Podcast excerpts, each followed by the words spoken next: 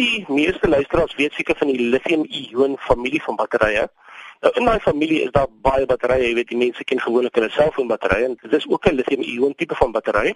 Maar in daai familie is daar 'n groot reeks, daar's omtrent 8 van hulle. Die battery wat ons bekendstel is 'n fosfaatbattery. In die molekulêre struktuur op die anode van daai battery is daar sekere elemente en van die groot elemente is dat daar's yster en daar is fosfaat. En dit gee vir hierdie battery unieke karakteristieke. So in die familie is hy een van die 8. Hy's hy's gelukkig die goeie een want hy is die mees stabielste. Hy het geen termiese probleme nie. Hoe lank is hierdie battery se rakleeftyd? Kyk, die tegnologie is omtrent al so 30 jaar in die gang en ons is baie gemaklik om die battery aan te bied met 'n 15 jaar rakleeftyd en ons is ook bereid om die dienslewering van die battery te waarborg vir 10 jaar. Dit is ongewoon vir batterye om daai tipe van waarborge te dra. Maar al die groot verskaffers met hierdie tipe van tegnologie gee deesdae hierdie 10 jaar waarborg. Waarvoor kan hierdie battery als gebruik word? Ek dink die belangrikste ding is dat as ons begin praat van die energiestoringstoepassings, maar ons kyk byvoorbeeld na die huishoudelike gebruik vir mense wat nou bystandskragbronne aangeskaf het, die 4x4 mark en al met die algemene kampmark. Bote en seiljagte is 'n groot mark, dan ook in die mobiele mark, goed soos uh, verhuisers, golfkarretjies, al daai tipe van toepassings is in die fokusarea. En dan kry mens afgeleë gebiede. Onlangs was daar 'n versoek vir voorstelle uitgebring by Robben Island waar hulle gevra het vir groot energiestoringsvermoë en daar het toevallig uh, gespesifiseer dat hierdie tipe van tegnologie aangewend moet word. Hoe koste-effektief is die tegnologie? Ek dink as dit kom by koste-effektiwiteit, dan moet mens in ag neem ons bied nou 'n produk aan wat van tussen 10 en 15 jaar moet hou.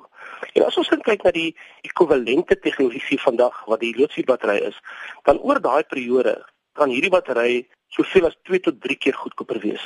Want die aankoopprys vandag is presies dieselfde as loodsuurbatterye, maar hulle hou 2 tot 3 keer langer. So oor daai leeftyd gaan jy loodsuurbatterye moet vervang waar die lithiumbatterye jou vir meer as 10 jaar gaan hou. Hoe word die battery herlaai? Ja, kyk jy, raai van die batterye, eh, ons het nou die batterye heelwat van al integreer met bestaande laaiers. Die bestaande laaiers wat reeds die batterye laai, kan hergeprogrammeer word en dit moet gebeur, dis belangrik.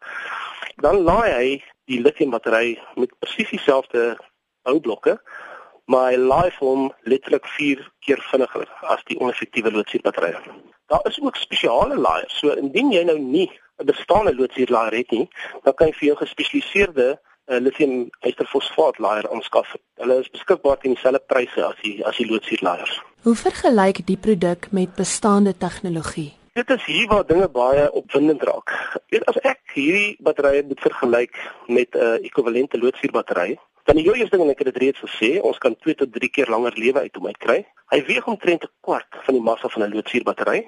Hy beslaan omtrent 'n derde van die volume, so jy kan 'n baie kleiner area gebruik. Hy word glad nie warm nie. Die effektiwiteit is so hoog dat die battery glad nie warm word nie. Hy het geen hittegevaar of enigiets van daai aard nie. Hy gee geen gasse af nie. Die mense sit hier goed onder hulle beddens in hulle bote en daar is geen sprake van enige giftige gasse of gevaarlike sure wat miskien kan uitspoel as die ding omval nie. En dan die ander baie aantreklike eienskap is die feit dat hy hou van warm temperatuur. Ons weet almal dat weet hierdie batterye as die temperatuur bo kan 25 grade Celsius gaan, dan gaan die lewe dramaties verkort. Met lithium fosfaatbatterye kan mens 'n verlenging in die lewe kry by temperature so hoog as 40 grade Celsius. Hoe vergelyk hierdie tegnologie met die van ander lande? Kyk, die groot spelers is almal klaar in die mark. Ons het almal gehoor van Tesla, ons weet Bosch doen goed, ons weet Victron doen goed.